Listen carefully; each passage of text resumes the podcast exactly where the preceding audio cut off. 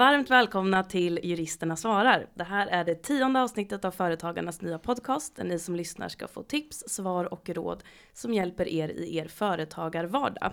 Och eh, idag tänkte vi prata lite om eh, företagande kopplat till att vara en person och också ha en familj, alltså familjerätt. Så vad ska man tänka på om man driver eller vill starta företag med sin partner? Hur fungerar det med äktenskapsförord och vad händer med ens företag om man går bort? Och jag heter Oksana Jakimenko. Och jag heter Hampus Löfstedt. Och vi arbetar i Företagarnas juridiska rådgivning. Och idag så har vi med oss en person till i studion, nämligen våran första gäst och kollega Anna Krog. Hej Anna! Tjoho! Hej! Hej! Du är ju lite av våran eh, familjerättsexpert här i rådgivningen, eller hur? Ja, men det får man nog säga. Ja, och därför passar vi såklart på att prata om just familjerätt eh, idag när du är här då. Eh, vad skulle du säga är de vanligaste frågorna du får på rådgivningen inom familjerätt? Ja, just här så handlar det väl oftast om någonting som är kopplat till företagande såklart, men alltid frågor om vad händer när jag dör? Vad händer om jag skulle skilja mig? Hur Mm. kan jag skydda mig från det här och det här? Så det är spridda skurar, men att driva företag och ha en familj kan innebära väldigt många frågor att ta ställning till. Och vi tänkte i det här avsnittet att vi ska besvara några av de vanligaste frågorna på temat i alla fall. Ja, men det är glimrande. Precis. Och vill ändå passa på att framhålla att inom familjerätten så finns det en utgångspunkt av vad lagen säger. Det finns också mycket man kan avtala om eller ändra på om man vill. Det finns inte heller riktigt några rätt eller fel i förhållande till så de olika valen man kan göra. Olika val kan helt enkelt vara olika rätt för olika personer. Bra. Don efter person. Perfekt. Vad spännande. Jag är supertaggad på det här avsnittet. Jag tänker att vi eh, kör igång med första frågan. Det tycker jag. Välkommen till podden. Ja, men då börjar jag med första frågan då. Och eh, även om det som sagt är Anna som kommer få vara experten idag här och eh, svara på de flesta frågorna så har vi ju samma upplägg som vanligt, eller hur Oksana? Fyra frågor och eh, vi börjar med en övergripande fråga. Blev det inte fem? Fem den här gången. Ja, lite Okej. lyxigt. Perfekt. Ja, men jag tänker ändå att vi drar en liten övergripande fråga så att vi kan få en liten härlig ingång i ämnet då. Då lyder den så här. Hej juristerna svarar. Jag driver ett företag som tillverkar tyngdtäcken och börjar fundera lite på vad som händer med mina aktier. Jag äger bolaget till 100% om jag skulle gå bort. Ja, lite som vanligt så börjar vi med en ganska bred fråga här för att kunna introducera ämnet familjerätt då. Och som introt vittnade om så, så är det ett, eh, så att vi kommer prata om en viss del av familjerätten här och då framförallt eh, vad man brukar kalla för successionsrätten eller arvs, arvsrätten. Och det tillsammans med, med vissa rättigheter som, som följer med att man är samboende eller är gift. Och det här då naturligtvis kopplade till företagsrelaterade frågor. Mm. Mm. Eh, det här är inga roliga scenarion, men eh, därför kanske ack så viktigt att man funderar eh, kring dem. Så är det. Jag tänker att vi presenterar lite skeenden och begrepp som kommer hjälpa oss i de mer specifika frågorna här framöver.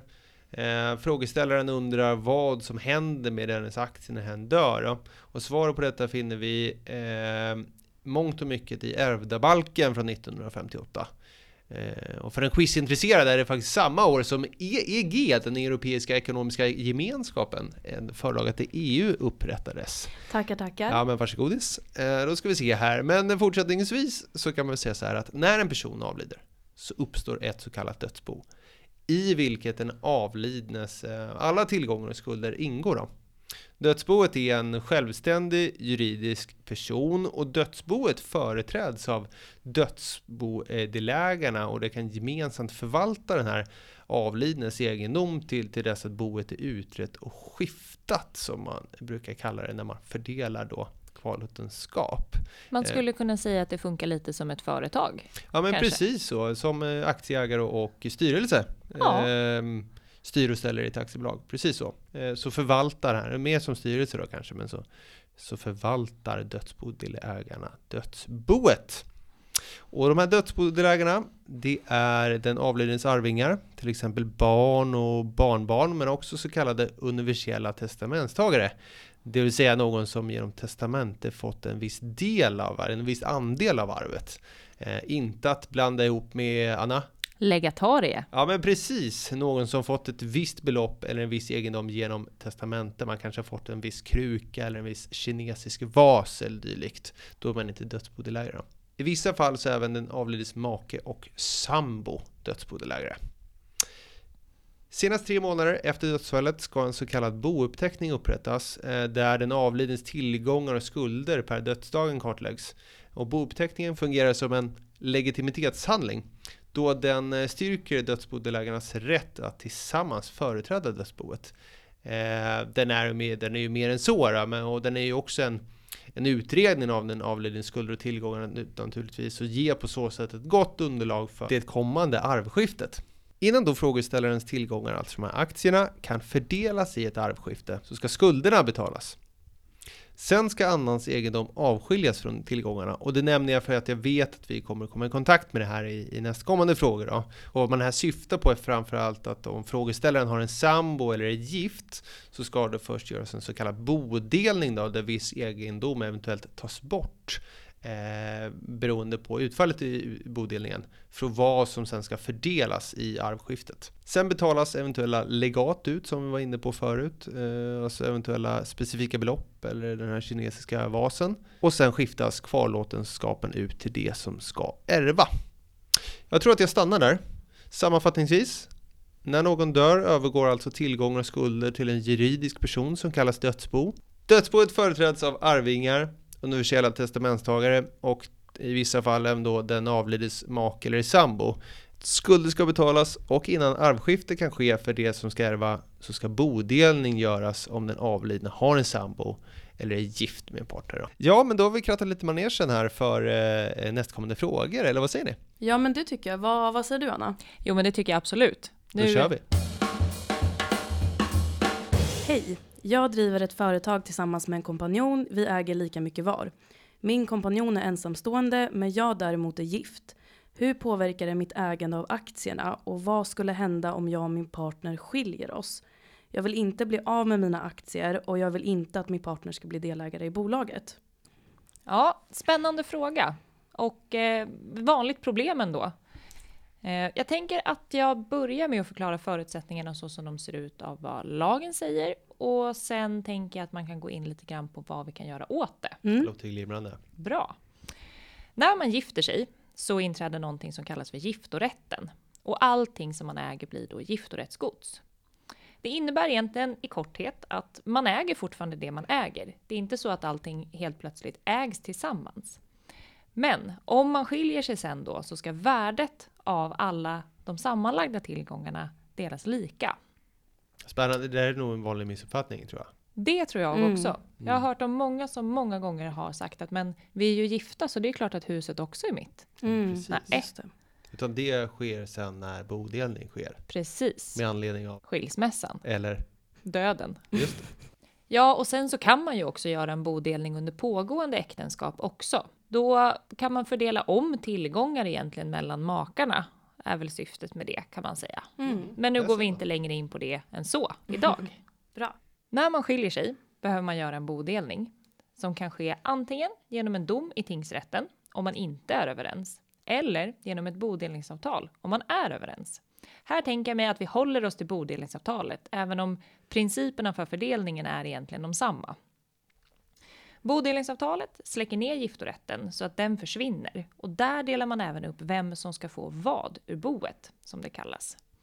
Det innebär alltså att allting som frågeställaren i det här fallet äger och som partnern äger läggs i en och samma hög. Av det totala värdet där sen ska man få hälften var. Vem som ska få vilken sak eller vilken tillgång bestämmer man egentligen som huvudregel tillsammans, förutsatt då att man är överens. Men man har alltid rätt att i första hand få behålla det som man redan äger. Som då i det här fallet med aktierna som mm. frågeställaren har. Just Ja. Och om någon går ur bodelningen med mer värde än den andra så ska då den första som fick mer kompensera den andra med pengar istället. Så då kan man då alltid lösa ut sin partner med pengar istället för att ge aktier. Problemet uppstår ju egentligen då när man kanske inte har råd med det eller de här pengarna inte finns. Mm. mm. Då behöver man ju istället dela med sig med aktier för att båda ska gå lika, med lika värden ur bodelningen helt enkelt. Just det. Så vad, eh, vad är svaret på, på lyssnarens fråga i det här fallet? Ja, svaret är med andra ord inte helt enkelt, utan det beror alltid på hur omständigheterna ser ut och vad de har för värden i övrigt. Men ja, det finns ju en risk att personen här i fråga kan behöva dela med sig av sina aktier. Mm. Eh, om man inte gör någonting åt det helt enkelt. Mm. Och hur, eh, hur gör man någonting åt det här då? Eller alltså hur, hur skyddar man sig från, från det här? Jag skulle säga att det finns två praktiska sätt i alla fall. Mm. Antingen så kan ju frågeställaren och eh, den respektive i det här fallet ha skrivit ett äktenskapsförord. Där man då gör de här aktierna till enskild egendom. Och enskild egendom, det betyder egentligen att det är en tillgång som inte ska delas vid en bodelning. Alltså motsatsen till giftorättsgods kan man säga. Och vid en bodelning då så plockas den enskilde egendomen bort från den här säcken som jag nämnde tidigare. Och så delar man på resten istället. Mm. En annan lösning eh, som man kanske kan ha som backup-plan då, om man har glömt att skriva sitt äktenskapsförord, Mm. det är att se till att det finns en hembudsklausul i ens bolagsordning. Och det innebär att om aktierna skulle överlåtas till någon annan så har då befintlig ägarkrets rätt att köpa tillbaka aktierna. Så att det är inte ett skydd utan pris, men Mm. det är åtminstone ett skydd. Det är en klausul som ofta finns med i bolagsordningar, men har man inte koll på det så tycker jag ändå att det är en grej som man ska se över innan man känner att man är helt säker. Det kanske inte är den optimala lösningen, men det är bättre än ingenting i alla fall. Det är Mm. bättre än en, en oönskad ägare till aktierna och en bolagspartner som man inte riktigt har tänkt sig. Just det, precis. Men eh, får jag fråga en sak, kan man göra vad som helst till enskild egendom? Ja, det skulle jag säga. Ehm, sen kanske det är dumt att hålla på och göra skruvmejslar och sånt till enskild egendom. Mm. Men rent tekniskt så går det. Just det, bra. Har jag svarat på den frågan då tycker jag? Ja, men absolut. Ja, det hoppas jag. Ja, nej, men då läser jag nästa fråga. Hej! Jag och min make äger ett hus och ett företag tillsammans. Vi har två barn tillsammans och jag har också ett barn sedan en tidigare relation. Om något skulle hända mig vill jag att min make ska ta över och driva bolaget och inte något av barnen. Hur får vi till detta? Vad säger du Anna? Ja, men det här är ju en ganska vanlig familjekonstellation år 2022. Det skulle jag ändå säga. Och man kan ju ändå börja och konstatera att arvsrätten så som den ser ut idag är inte riktigt anpassad och uppbyggd för så som familjer ser ut idag, utan snarare för så som de såg ut när lagen kom 1958. Jag förstår. Och för att kunna svara på den här frågan så skulle jag vilja börja med att göra några antaganden för att inte krångla till det här för mycket. Till att börja med så utgår jag från att den andra föräldern till det här icke-gemensamma barnet, eller särkullbarnet som det också heter, att den föräldern inte är död. Och att om det skulle ha skett en skilsmässa där, så är en bodelning, som vi pratade om tidigare, redan gjord. Mm. Och jag tänker nog också även utgå från att barnen i det här fallet är myndiga. Så med det sagt då, så beror det även i den här frågan på hur mycket värde frågeställaren har totalt egentligen. För i arvsrätten så har vi en del rättigheter att ta hänsyn till som vi inte riktigt kan komma ifrån. Barn, eller bröstarvingar som det också kallas på juridiska, har den liksom slutliga arvsrätten kan man kalla den för. Så dina tre barn, eller frågeställarens tre barn, har som utgångspunkt rätt till en tredjedel var av arvet från frågeställaren. Makar har också arvsrätt till varandra, men med lite mer förbehåll. Arv som i slutändan ska till de gemensamma barnen tar då först en omväg kan man säga via den överlevande maken.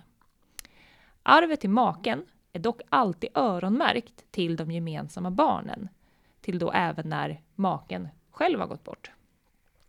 Däremot särkullbarn, nu kommer det. Mm. Särkullbarn får ut hela sina arv direkt. Mm. För att särkullbarnens arvsrätt är starkare än den man har som gift. Så med det då. Om andelen i bolaget och andelen i huset bara uppgår till två tredjedelar av allting som frågeställaren äger, då är det ju inga problem. Nej. Då blir det som de har tänkt sig. Mm. Men ofta så är det ju inte så, utan hus och andel i bolag eller aktier utgör oftast en stor del av allting man äger. Och då behöver man fördela om arvet lite för att det ska bli som man vill. Mm. All right, och vad kan man göra i så fall då? Ja, som jag nämnde så alla barn har ju arvsrätt och gör man ingenting så får de ju lika stor del. Och i det här fallet då en tredjedel var. Men det barnen egentligen har rätt till enligt lagen är hälften av den tredjedelen, alltså en Mm. sjättedel. Och den sjättedelen då i det här fallet, det kallas för laglotten.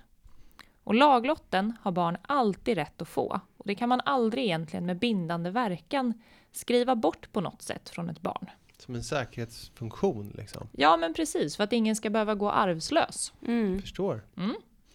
Men det frågeställaren behöver göra, det är att skriva ett testamente. Och testamente är den enda egentligen bindande handlingen som kan fördela om ett arv. Och i testamentet då kan man såklart göra på olika sätt, men man kan då fördela om arvet så att särkullbarnet bara får sin laglott vid bortgången här. Och resterande del, den tillfaller maken. Så då blir det två tredjedelar plus en sjättedel. Mm. Just det, för laglotten kan man inte avtala bort utan laglotten har barnet alltid rätt att få ut. Ja, men precis. Sen finns det inga hinder egentligen att frågeställaren skulle skriva att jag vill att allting ska tillfalla min make. Mm. Och är det då så att det här särkullbarnet säger att det är okej med mig, jag kan, Mm. jag kan vänta tills den här maken också har gått bort med att få ut mitt arv, då blir det så. Problemet är ju om särkullbarnet inte går med på det, Mm. för då har den rätt att få laglotten oavsett. Just Mm. det. Då begär man jämkning av testamentet helt enkelt. Mm. Så testamentet kan öka möjligheten i alla fall att kunna behålla både hus och bolag. Men det är ingenting som vi kan sitta här och garantera egentligen, Mm. för vi vet inte hur förutsättningarna ser ut i övrigt. Men det man kan säga i alla fall är att har man en sån här situation så kan det vara bra att kika på en livförsäkring i alla fall. För då får ju också den efterlevande maken en summa pengar Mm. som man då kan använda för att köpa resten av huset eller resten av bolaget från särkullbarnets arv. Okej, men, men om man gör på det här sättet som du beskriver, blir det inte så att man, man eh, liksom fråntar det här särkullbarnet en del av arvet? Det beror på. Det går egentligen att göra på båda sätt. Maken ärver då med vad som kallas för fri förfoganderätt, vilket då innebär att särkullbarnet får resterande delen av arvet sen när den överlevande maken också gått bort. Man ger maken en rätt, kanske lite förenklat då, men man får göra vad man vill med arvet utom då att testamentera bort det till någon Mm. annan än den som man själv då har öronmärkt arvet till. Särkullbarnet i det här fallet. Mm. Man kan skriva också att maken ska ärva med vad som kallas för full äganderätt istället. Då ger man maken en testamentarisk rätt också att göra vad han vill med arvet. Så att arvet kliver in i hans arvsled kan man säga. Mm. Så då, då är det helt fritt att göra som man vill. Och då, i det fallet, så fråntar man ju särkullbarnet arv. Absolut. Just det. Så sammanfattningsvis så får man väl säga att det finns mycket man kan göra. Eh, Det är svårt i sådana här fall att komma kanske hela vägen, men det går ju som Hampus uttrycker i alla fall att kratta manegen lite. Men det finns olika Mm. vägar att gå och det finns ingenting som behöver egentligen vara mer rätt eller fel. Hej, jag har drivit företag i snart sju år och för tre år sedan träffade jag min sambo. Vi har ett gemensamt barn och min sambo är anställd i bolaget. Om jag dör vill jag gärna att han ska ta över bolaget. Men blir det någon skillnad på om vi är gifta när jag dör eller om vi bara fortsätter att vara sambo? Ja, här har vi ju vad som kan kanske ses som en lite liknande fråga som den tidigare, Mm. men lite annorlunda och väldigt avgörande annorlunda förutsättningar. För som sambor så har man ingen legal arvsrätt till varandra. Det innebär då att oavsett egentligen vem av frågeställaren eller sambon här som går bort så är det deras gemensamma barn som Mm. ärver. Om vi nu dessutom lägger till en omständighet här, att barnet är omyndigt när någon då av frågeställaren eller sambon går bort, så är en huvudregel som man kan ha med sig att barns arv i de allra flesta fall behöver bli pengar. För att omyndiga, generellt sett, kan inte äga till exempel fastigheter hur som helst. Så. Just det. Ett omyndigt barn kan dessutom inte, igen som huvudregel, avsäga sig sin rätt till arv till förmån för någon annan arvsberättigad. Även om det skulle finnas ett testamente som skulle säga då att, att barnet inte ska ärva. Vad blir egentligen alternativen då för den här frågeställaren, för lyssnaren? Ja, de två alternativen som vi står inför, det är ju egentligen då att antingen så ärver barnet allt, Mm. eller så får frågeställaren skriva ett testamente som anger då att sambon ärver hälften och barnet ärver hälften. För det kommer vi ihåg från förra frågan att hälften av arvet är det som är laglotten. Vi kan alltså inte säkerställa här att sambon kan ärva bolaget och eller en bostad. Det enda som egentligen säkerställer att den respektive kan ärva allt är helt enkelt om man är gift och har gemensamma barn. Mm. Så att här blir det alltså stor skillnad på om de fortsätter vara sambo eller om de gifter sig. En monumental skillnad Mm. skulle jag säga. Mm. Då får ju som vi pratade om i förra frågan maken allting först och arvet är sen öronmärkt att tillfalla barnet sen när båda föräldrarna har gått bort. När man är gift, som vi tidigare har pratat om i det här avsnittet, så finns det det här med giftorätten och man kan ändå tänka sig kanske att, att frågeställaren i det här fallet vill skydda sina aktier och skydda sitt bolag. Mm. Men det är ju samma princip egentligen som förut då, att man kan skriva ett äktenskapsförord. Och i ett äktenskapsförord så har man en helt annan möjlighet att komma överens om vad som ska delas och inte ska delas än vad egentligen arvsrätten ger utrymme att kunna styra sitt arv precis som man vill just när man har barn. Och äktenskapsförordet i sig ska sägas också att det ändrar ingen arvsrätt egentligen mellan makar utan det enda som det ändrar är lite grann då hur man gör bodelningen i bouppteckningen som Hampus pratade om. Mm. Men det är mer en ren teknikalitet. Men det här äktenskapsförordet förutsätter ju då också att man har ett äktenskap, att man helt enkelt är gifta. Ja, Så. såklart. Precis. Bra. Då kör vi sista frågan. Hej! Min far dog för några veckor sedan och jag och mina två bröder är dödsbodelägare. Jag har inte haft så bra kontakt med min far de senaste åren och nu när vi gjorde bouppteckningen insåg jag att min far gett bort samtliga aktier i sitt bolag i gåva till min yngsta bror. Det finns ett gåvobrev men gåvan innebär att det i princip inte finns något arv kvar. Finns det något jag kan göra?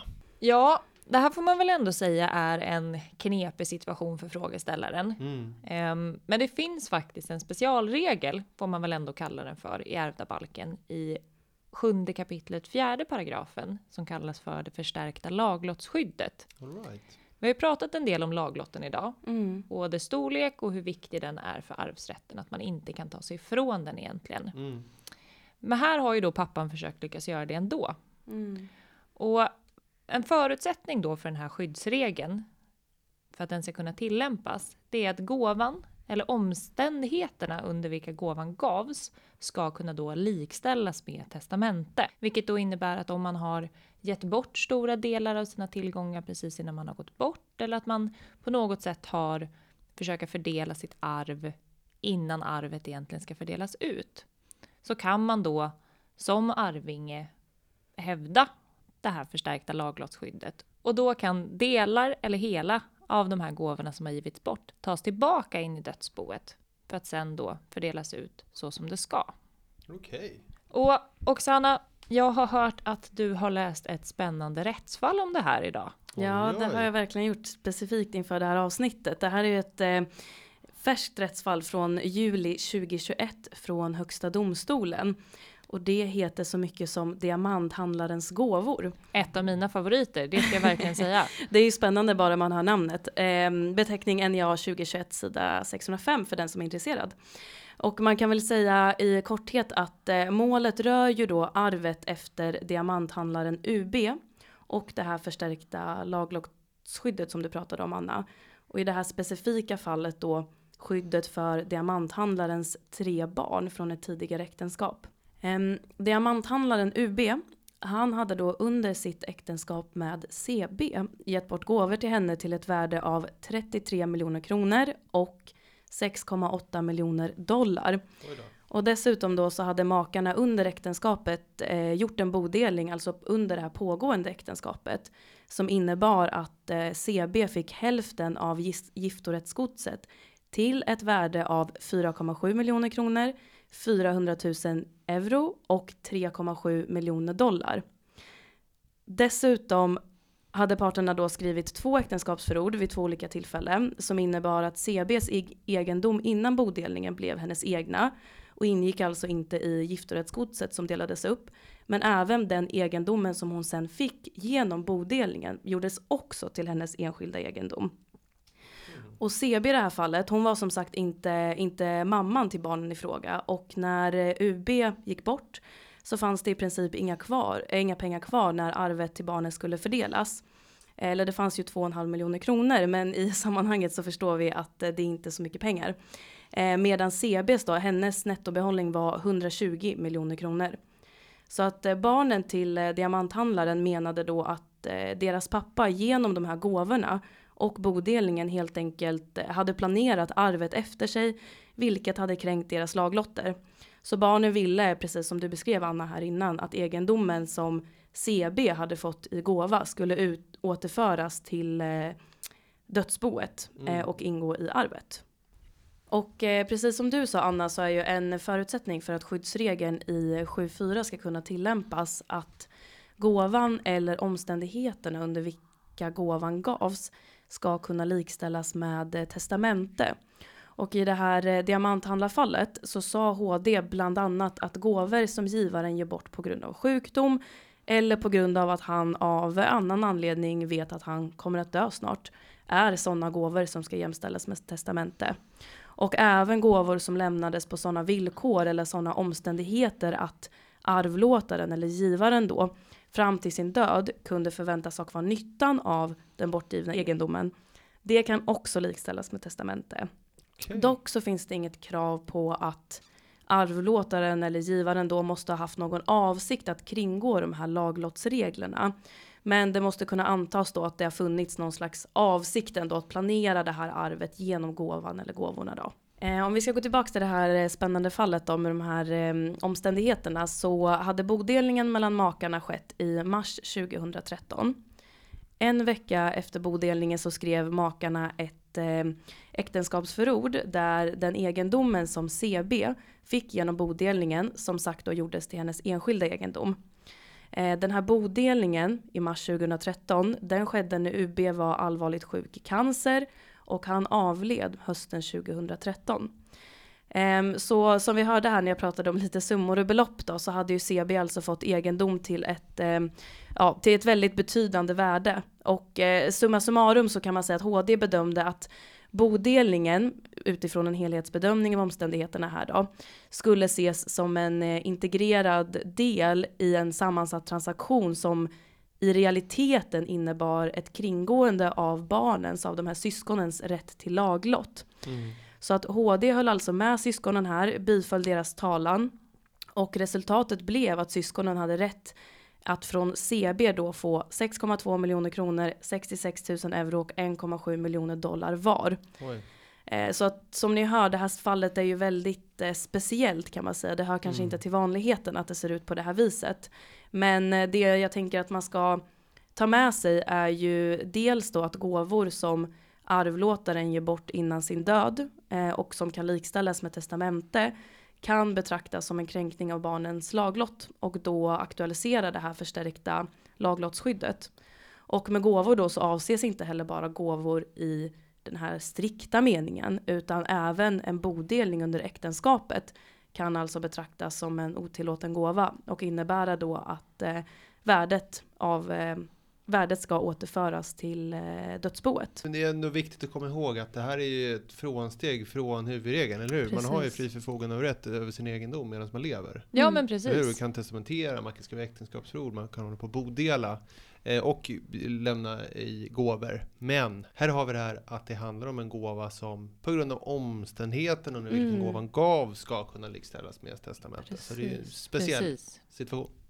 Så med det sagt då, tillbaka till frågeställaren, Mm. så finns det möjligheter, det finns en öppning, men man får väl kanske passa på att framhålla att den här regeln är väl inte helt enkel att tillämpa. Mm. Och ofta kan man väl tänka sig att det är i situationer där man då inte är helt sams kanske. Så hamnar man i den situationen så kan det nog vara en god idé att antingen ringa till oss eller Mm. att prata med någon annan jurist. Precis. Precis, nej, men då tror jag att vi faktiskt har kommit till eh, Det enda. Till ända, till dagens slut, till avsnittets slut i alla fall. Och som medlem i Företagarna kan du utan kostnad ringa till oss och våra kollegor i den juridiska rådgivningen och få personlig hjälp. Du når oss på telefon 0771 45 45 45. Har du en fråga till podden, då tycker jag att du mejlar till podcast foretagarna.se. Klippningen är gjord av Petra Tjo och underlaget av David Hagen. Jag tycker att vi eh, riktar ett extra stort tack till Anna Krog idag. Verkligen. Ja. Tack Anna för att du var med. Tack för Tack. att jag fick vara med. Vi hörs igen om två veckor. Tack för att ni lyssnat. Hej då! Hej då! Hej då!